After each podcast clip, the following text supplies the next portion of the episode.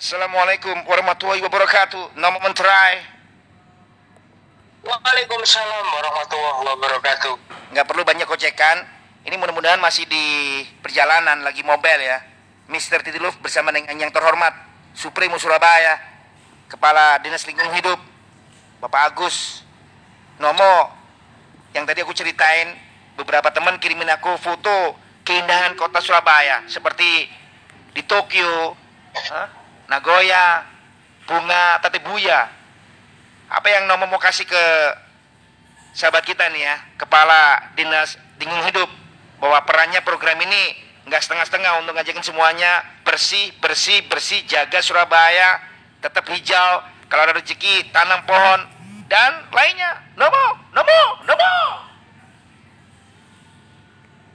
Sudah? Bisa saya mulai? Sampun, sampun, sampun. Ya, kalau bicara tapi Buya ini cantik Bu Sandy. Salah satu bunga paling cantik ya. Kalau di Jepang itu kan kita mengenal sakura ya. Bedanya kalau di Tabe Buya ini siklus hidupnya itu jauh lebih singkat. Hanya ya hitungan 2 2 3 bulan. Dan beruntung Surabaya sudah punya itu ketika Bu Risma jadi wali kota. Hmm. Gitu. Jadi memang memang khas khas dari dari Jepang ya, terutama di daerah di daerah tradisional yang banyak bunganya paling banyak itu mungkin di tempat-tempat seperti Osaka, Hokkaido. Itu kan tempat-tempat yang biasanya dikunjungi wisatawan. Terutama di Hokkaido. Karena apa? Hokkaido ini daya tariknya adalah bangunan klasik Jepang zaman kuno era tahun 1910 20-an dan ada pemandian air panas. Jadi kita bisa mandi air panas di luar sambil menikmati pemandangan-pemandangan itu. Hmm, hmm. Tool of traditionality-nya itu masih ada. Tuh. Di tengah hiruk pikuk Jepang yang modern terutama di kawasan Shibuya, Tokyo, ya, Yokohama itu kan sudah sudah modern. Tapi mereka masih punya yang klasikal. Nah, yang klasikal ini ada di tempat-tempat seperti Osaka, seperti Hokkaido, Kobe juga. Kobe itu bahkan yang harus kita jadikan contoh. Mereka sudah mengenal budaya bersih sejak abad ke-7. Abad ke-7 untuk daerah Kobe. Dan Hmm. sampai sekarang itu masih dijaga. Itu menjadi Diteruskan ke podcast kita juga tayangan BMB yang kamu nyoroti setelah semalam sudah masuk caps ke 30 dan rezekinya Sandy Gibol barengan Dedi Adrian pada saat program di Aula Media Televisi masuk di caps ke 30 jersey ini nggak sembarangan ya dikenakan Messi untuk klub barunya Paris Saint-Germain nomor Montreal Oh betul, betul. Jadi untuk podcast dulu ya Bu. Jadi kemarin Nomo dengan Surya sudah melakukan kolaborasi. Kita kita bergantian baca baca infonya mengenai data dan fakta Liga Champions dan sebentar lagi kita akan kita akan menyampaikan ulang rilis all squad kontestan Liga Champions. Mengingat Liga Champions sudah ada di start tanggal 15 dan 16 nanti. Jadwalnya pun juga sudah saya share ke Il Capitano. Tapi untuk susunan pemain dari semua klub kan nggak semua. Nggak semuanya saya share ke GS. Nanti semua akan di move ke podcast. Nah, cuman kendalanya sekali lagi. Ini yang kola- kolaborasi cuma Nomo dengan Surya. Kita terbatas. Nomo akui terbatas waktu juga timingnya apa kondisinya. Jadi materi-materi menarik kalau teman-teman punya nggak usah lama-lama. 5, 6, 7 menit kalau ada yang menarik bisa dikirim ke Kapitano nanti kita naikkan ke podcast karena podcast kita sudah didengar 5.500 orang lebih dari 29 negara dan posisinya masih berada di top 100 international football podcast versi platform Spotify. Jadi kalau teman-teman bisa kontributif bantu kita berdua bertiga dengan Mas Nugroho kalau kalau sempat dia bisa bantu kita juga. Tapi kerja tim podcast Nomo harapkan bukan hanya Nomo Surya dan Anugroho Orange Bojonegoro tapi semua yang mendengarkan Gibol Susana kalau ada materi menarik bisa saja disampaikan. Tidak perlu terlalu panjang. 6-7 menit kalau menarik bisa go up to podcast. Mhm.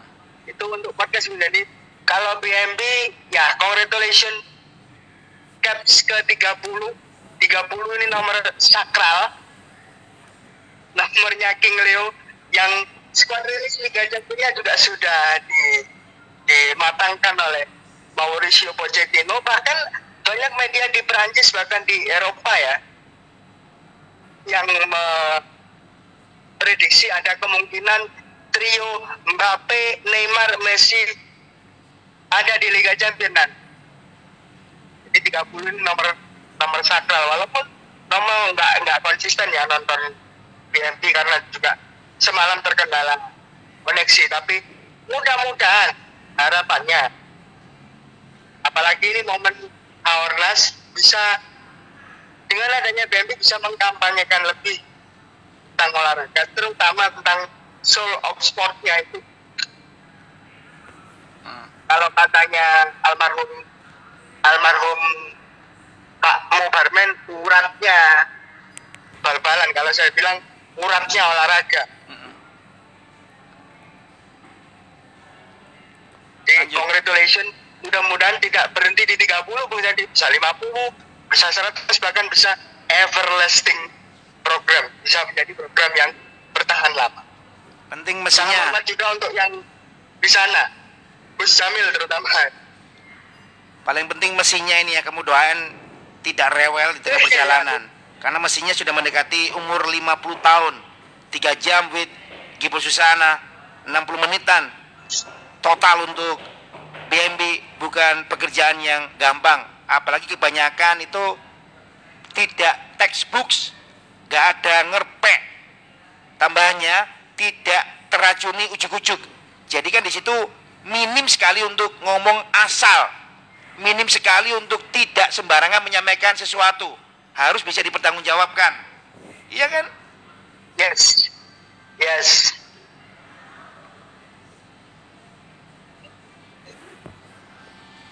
Hmm. menarik tadi jenengan ngangkat ini ya atlet paralimpiade kita yang jadi idola baru karena lagi-lagi untuk tahun ini badminton membuktikan bahwa mereka menjadi olahraga yang raja di raja ajang multi ada satu fakta menarik jadi ini yang memaparkan adalah Leani Atriopila sendiri bersama dengan Pak Menpora Zainuddin Amali bahwa sebenarnya skuad badminton yang diterjunkan di Paralimpiade tahun ini itu sudah dipersiapkan untuk SEA Games kemarin. Jadi after after SEA Games yang untuk atlet normal ada ASEAN Para Games. Itu di Manila. Di bulan berikutnya di bulan Oktober 2019 ketika tapi cancel. Karena pandemi. Jadi pihak Filipina Organization Committee melalui ketua olimpiadenya membatalkan semua event akhirnya cancel. Lalu fokus berpindah ke Tokyo. Dengan harapan Tokyo juga bisa main di 2020 ternyata batal juga. Dan nama yang tadi dengan sebutkan Leani Ratri Oktila ini bisa dibilang manusia super. Karena dia bisa main di tiga sektor berbeda. Tunggal putri ganda putri ganda campuran.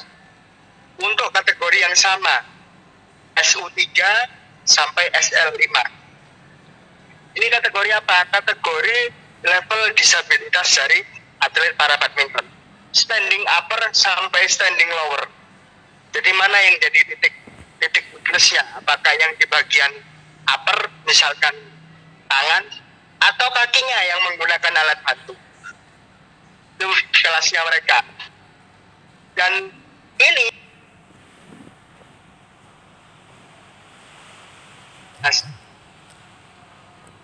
kita bisa dapat lagi setelah terakhir ikut Paralimpiade ada emasnya itu di tahun 1972. Jadi kita nunggu hampir 40 tahun lebih ya, untuk bisa dapat medali emas ini. Jadi congratulations. Selanjutnya ada Paris yang sedang menunggu kalian semua. Baik itu untuk Olimpian maupun Paralimpian. See you Paris. Yang bisa mengucapkan untuk mereka. Mungkin ada tambahan dari Bina? Ada tambahan pasti ya. Terima kasih kalau di tengah kesibukan aku dikasih laporan kaitannya dengan semangat kita jaga alam, alam jaga kita. Ini report dikasih Jaya Pirlo, Tirun Jaya Pirlo, luar biasa Jaya Pirlo. Ngelihat sesuatu di mana pun ya langsung laporkan di program ini pukul 10 hingga 13 atau malam harinya ada BMB apa itu menjaga bumi. Bung Sandy dari Pagesangan menuju ke Brown melalui Rolak Gunung Sari, aku ngelihat prajurit-prajurit marinir membersihkan enceng gondok yang sudah mengganggu arus air. Saluto, Bapak Bapak prajurit marinir kita. Peduli bumi, kita jaga alam, alam jaga kita. Hmm. Congratulations ini bapak-bapak marinir. Dan kalau marinir, saya jadi teringat komandan kita Bu di. Aminuddin. Betul sekali. Salam hormat untuk beliau.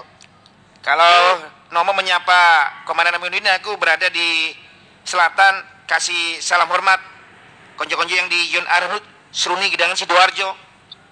Aku besar di sana, besar di sana. Wah, istimewa. Born places, tempat kelahiran. Kalau ke lapangan hijaunya Bung Jadi, ini ada catatan impresif yang diraih oleh Jorginho dan juga Hans Dieter Flick. ya. Untuk Jorginho, dia sangat berbangga hati, bukan hanya seorang Moiskin dan Giacomo Raspadori yang yang berbunga-bunga, tapi juga Jorginho karena dia menjadi orang non native atau non pribumi pertama sejak pemain kelahiran Argentina Miguel Montori pada 1960 itu jadi Il Capitano di lapangan. Jadi terakhir kali ada orang non Italia asli pertama jadi kapten itu Miguel Montori itu sudah lama tahun 1960. Nah sekarang ada Jorginho. Kenapa bisa dibilang non pribumi? Karena Jorginho ini kan punya keturunan Brazilian Mm-mm. ya punya keturunan Brazilian karena dari kakeknya kakek buyut terutama berasal dari wilayah Veneto. Nah kalau kita tarik historinya memang antara orang-orang Italia dengan Amerika Latin, Filipina, Brasil itu punya keterkaitan darah secara langsung bukan? Karena kalau kita lihat historinya semua orang Italia yang berada di kawasan Latino, baik itu yang singgah di sana sampai saat ini, ataupun yang kembali lagi ke Italia setelah beberapa waktu, itu berasal dari wilayah Genoa. Berasal dari wilayah Genoa. Karena waktu itu, historinya, orang-orang Italia ini migrasi ke sana dan diperbantukan untuk menghadapi Independence War of South America yang dilakoni oleh Argentina dan juga Brasil. Jadi mereka diperbantukan di sana bersama dengan orang-orang Spanyol dan juga Portugal yang juga dimigrasikan dari negaranya. Jadi momen Bapak Libertadores yang beberapa tahun lalu sempat rusuh antara Boca Junior dengan River Plate itu ada dua opsi mau dipindahkan ke Italia atau Spanyol karena dua negara ini punya keterkaitan. Makanya selain Mauro Jerman Camoranesi yang dulu itu dari Argentina, Italia Argentina Argentinian kita nyebut Italia Argentinian. Sekarang ada Italia Brazilian dan Italia Brazilian ini kalau di, di dunia olahraga itu cukup superior juga prestasinya. Bukan hanya di sepak bola tapi di olahraga lain seperti balap roda dua. Ada Franco Morbidelli, murid kesayangannya Valentino Rossi itu dari Italia tapi punya darah Brazil Itali Brazilian kita menyebutnya jadi congratulations untuk Jorginho sedangkan untuk Hans Flick kita tahu tiga kemenangan awal sudah dicatatkan tapi rekor ini masih menempatkannya di bawah pendahulunya Jogilo. Jogilo setelah era Klinsmann di tahun 2006 di Piala Dunia 2006 itu berhasil meraih tiga kemenangan awal presentase kemenangan 100% dan mencetak 17 gol sedangkan Hans Flick dini hari tadi kemenangan ketiga presentase kemenangan masih 100% tapi jumlah golnya baru 12 dan satu nama yang mulai diorbitkan ya nama ini sebenarnya sudah pernah nomo bahas di era World Soccer beberapa tahun lalu. Florian Wirtz gelandang serang kreatif dari Leverkusen. Sama posisinya dengan kayak Havertz dan solusi lini depan yang buntu di era-era terakhir masa Joachim Low itu sudah teratasi karena Timo Werner sudah selebrasi di tiga pertandingan terakhir ya, tiga game terakhir. Dan selain itu ada satu nama yang dipanggil Joachim Low dan akan kita lihat performanya di Liga Champions. Karim Adeyemi. Di game internasional sebelum menghadapi Islandia di hari tadi, dia selebrasi. Dan ini mudah-mudahan menjadi jawaban dari lini lini depan yang kurang kurang tajam di era terakhir Hogilo bahkan di Piala Eropa kemarin boleh saya bilang sebagai lini depan terburuk untuk eranya Hogilo di timnas Jerman. Baik. Yang barusan join dengan GS, sindikasi skor bangun siang ya, siapa tahu di tengah pandemi nggak terlalu fokus ke skor-skornya match di FIFA alias kualifikasi Piala Dunia Qatar 2022. Cerita dari kualifikasi Piala Dunia Qatar zona Eropa. Armenia, Liechtenstein 1-1, Yunani kalahkan Swedia 2-1, Yunani kalahkan Swedia 2-1, Kosovo Spanyol 0-2, Azuri hancurkan Lithuania 5-0, Irlandia Utara lawan Swiss 0-0, Damepis, Belarus Belgia 0-1, Wales Estonia 0-0, Albania hancurkan San Marino 5-0, Hungaria Hungaria Andorra Hungaria menang 2-1, Poland mencegat Inggris 1-1. Ada insiden bagaimana supporter tuan rumah membu pemain Inggris ya untuk aksi respect. Islandia di Mansaf Jerman menang 0-4, Macedonia Rumania 0-0. Aku juga ada skor terkini Nomo. Zona Konsakaf ya, kualifikasi Piala Dunia Qatar, zona Konsakaf, Kanada libas El Salvador 3-0, Panama Mexico 1-1, Costa Rica Jamaika 1-1. Sekarang ini masih bergulir mendekati bubaran. Honduras Amerika Serikat 1-2. USA memimpin 1-2 setelah tertinggal. Moya pemain Honduras bikin gol ke gawangnya Turner ya menit ke 27. Babak kedua dibalas Amerika Serikat lewat Robinson. Robinson menit ke 48 menyamakan skor. Satu duanya gol Pepi. Amerika Serikat sekarang ini menit ke 80-an skornya 1-2 unggul atas Honduras bola ini ya. Overlapping ke Jakarta. Ada asisnya Afif Digat nomo. Ada asisnya Afif Digat aku mesti cermati ya. Marah-marah ini Afif Digat. Gimana Bung Sandy? Very very stupid. Kenapa justru izinnya yang diperketat why? Bukan perangkat pertandingan. Di upgrade kualitasnya. Juga tidak ditertibkan regulasinya. Banyak lagi ya PR-PR yang harus dikerjakan. Federasi kita untuk mengantisipasi bisa menghilangkan tradisi buruk. Perlakuan kelakuan pemain-pemain kita ya. Seperti yang diperlihatkan Saiful Indra Cahya dengan Zamrun. Ini katanya Sekjen PSSI imbas dari friendly match yang horor Kung Fu Soccer pemain AHPS Pati PSSI berencana memperketat izin klub-klub Liga 1 sampai dengan Liga 3 yang melaksanakan uji coba. Kok nggak nyambung ya? Ini kan menurut aku sama dengan bagaimana cerita Menpora Nomo. Menpora mengetahui kejadian ya persahabatan APS Pati lawan Persiraja. Menpora bilang pemain kayak gitu jangan masuk ke timnas. Lah kalau ternyata pemain ini nggak kategorinya skillful, terus gimana? Kan kesannya oh boleh kalau di luar pemain yang langganan timnas. Nomor dua itu, nomor tiganya, nomor tiganya aku diskusi dengan yang lain itu sempat marah-marah kebanyakannya, termasuk Gustimo. Ada yang dikasih sama statement Persiraja itu loh. Hal biasa sepak bola. Wis kasih ngomong aku, kasih ngomong. Komentarnya Nomo. dianggap hal biasa. Nah, sekarang peristiwa itu sudah di Marsha. Maksudnya sudah disoroti oleh Marsha, media Spanyol. Menganggap ya ini ini apa gitu. Ini sepak bola kok dibikin kumpul kayak gitu. Dan kalau kita tarik lagi-lagi ke olahraga lain Bung Sandy. Olahraganya Habib Nurmagomedov, UFC. UFC ini walaupun keras-keras kayak gitu, tapi masih ada protection untuk atletnya. Masih ada rule, rule of the game yang nggak boleh dilanggar selama dalam oktagon. Nah ini udah nggak ada. Ini masih mending yang yang yang kena cuman giginya. Kemarin pengakuannya pemain Persiraja, gigi saya lepas satu tanggal satu.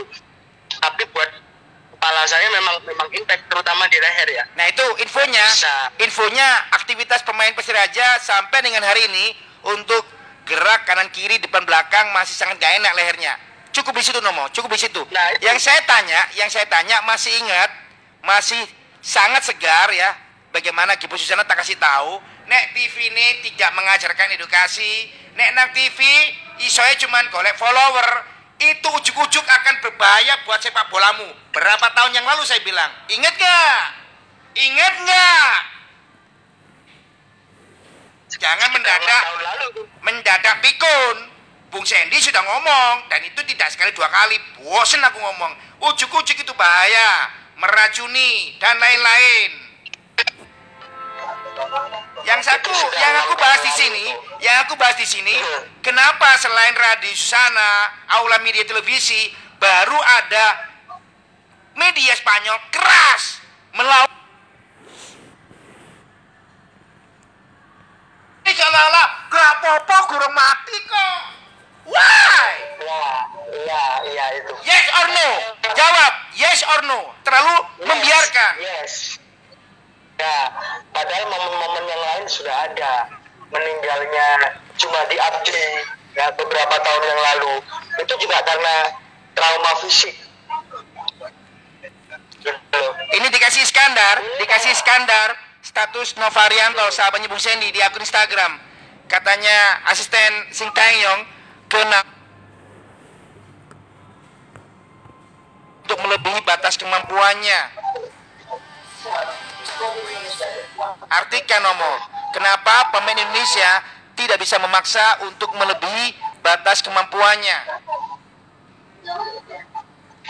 Lazy. Lazy. Lazy. Males. Itu singkat saya Bu ini. Zaman saya tuh lazy. Nggak bisa memaksakan melebihi batasnya.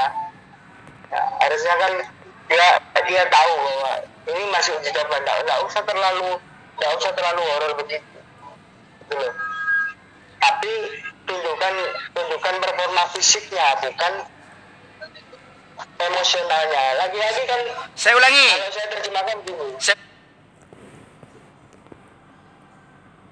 ya Spanyol oh, Sorry kalau Anda ngerasa berlebihan Bung, terserah. Terserah yang menilai. Terserah yang membayangkan apa catatan media Spanyol. Tapi itu adalah kebenaran. Itu ditulis apa adanya. Satu tujuannya apa? Memberikan wawasan.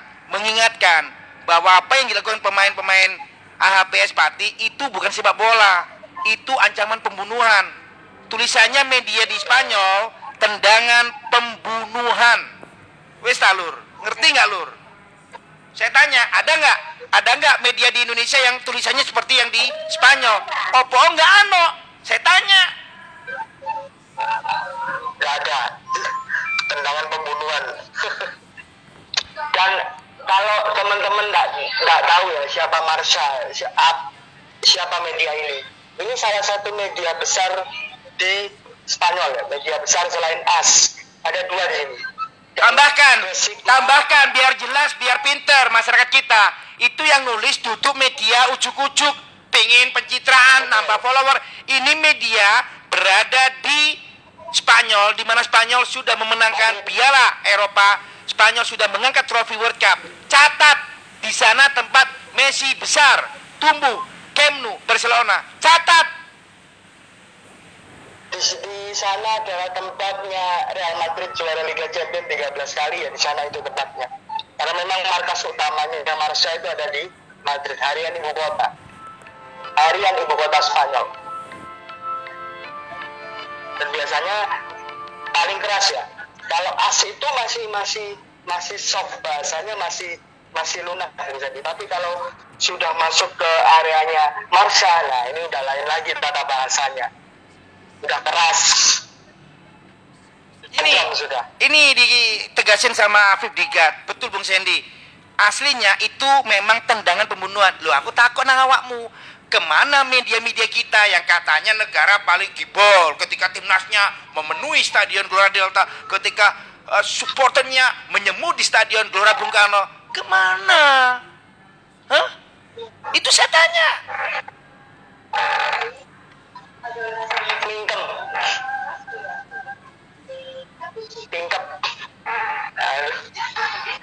Balik mana nang bukuku sing lawas?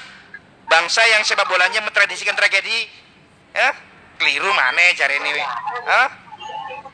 makso lah terus siapa? Bahkan kalau ada guyonan Bung Sandy di teman-teman saya dulu waktu sekolah SMP ya. Sepak bola Indonesia ini satu tiket kita bisa dapat macam-macam loh. Saya heran dengan dengan ungkapan itu awalnya tapi setelah dipikir-pikir ya juga ya. Kita bisa nonton bola masuk. Karate masuk. Pencak silat melepuh. Kungfu juga ini yang terbaru kan? Bahkan kemarin mungkin jenengan juga sudah menyampaikan ya di GS tapi saya sampaikan lagi. Di Wikipedia kemarin fotonya juga sudah nomor share di Kapitano di Wikipedia nama Saiful Indra Cahya ini Wikipedia yang versi bahasa Inggris ya.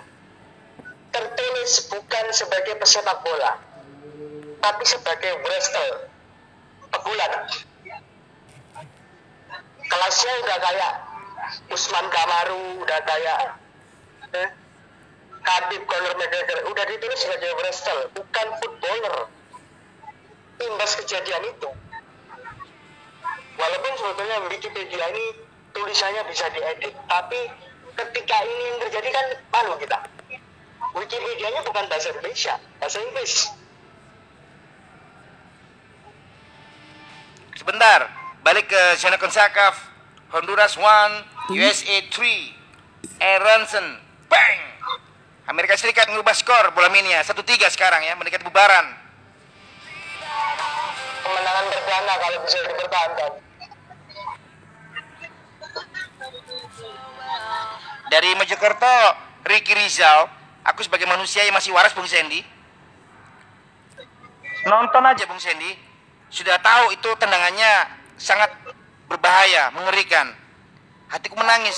Kok ada yang bilang dan itu menyakitkan mewakili Persiraja Banda Aceh? Benar-benar mewakili Persiraja atau ada ada yang salah tulis Bung Sandy? Keterangan lawannya AHP Pati. Ya aku nggak ngerti lagi kita tunggu juga kita tunggu bagaimana yang sering berada di TV gitu loh melalui akun Instagram pribadi ya hostnya komentatornya merasa nggak bahwa ini terjadi di negaranya itu muncul dari pekerjaan yang dia dapat uang apa pun Pasti nggak ditulis, pasti pura-pura nggak tahu. Lebih mengerikan itu. Ya, kalau saya pikir ya pasti banyak diamnya.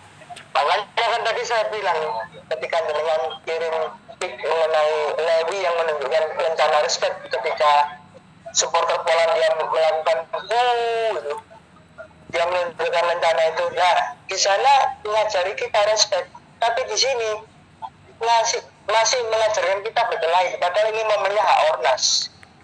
Di mana Presiden Soekarno menetapkan kejadian upacara pembukaan PON pertama 1948 di Stadion Sriwedari. Oke, beberapa jam setelah itu ada ketetapan Presiden di tahun 1948. Saya nyatakan 9 September sebagai hak ornas. Tapi official perayaannya secara seremoni dilakukan 38 tahun yang lalu.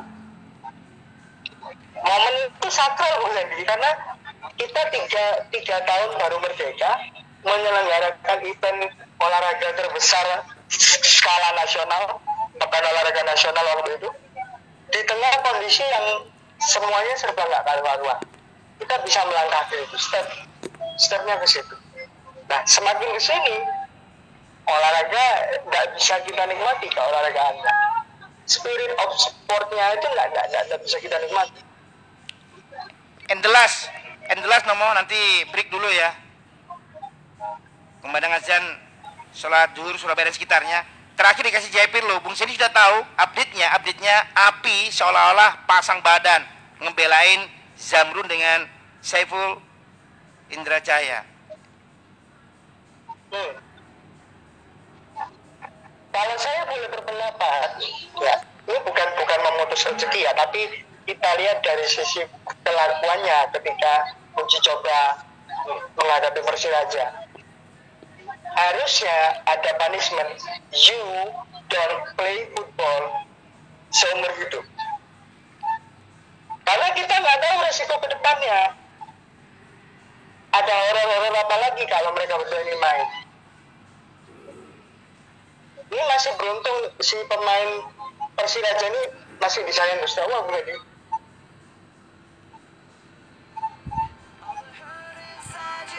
Seharusnya ada hukuman nggak boleh nggak tidak boleh main seumur hidup bukan hanya bukan hanya diusir dari pemusatan lagi anda pun juga jangan daripada nanti beresiko kita nggak tahu juga ke depannya tinggal lampu mereka di, di atas lapangan bukan di luar di atas lapangan mendingan nggak usah main bola aja dulu seumur hidup Halftime Nomo ya. Nanti kembali lagi dengan catatan yang lain. Terima kasih waktunya. Salam respect. Terima kasih Bu Yandi. Lihat nih, foto-foto liburan kemarin udah ayah edit. Ini waktu adek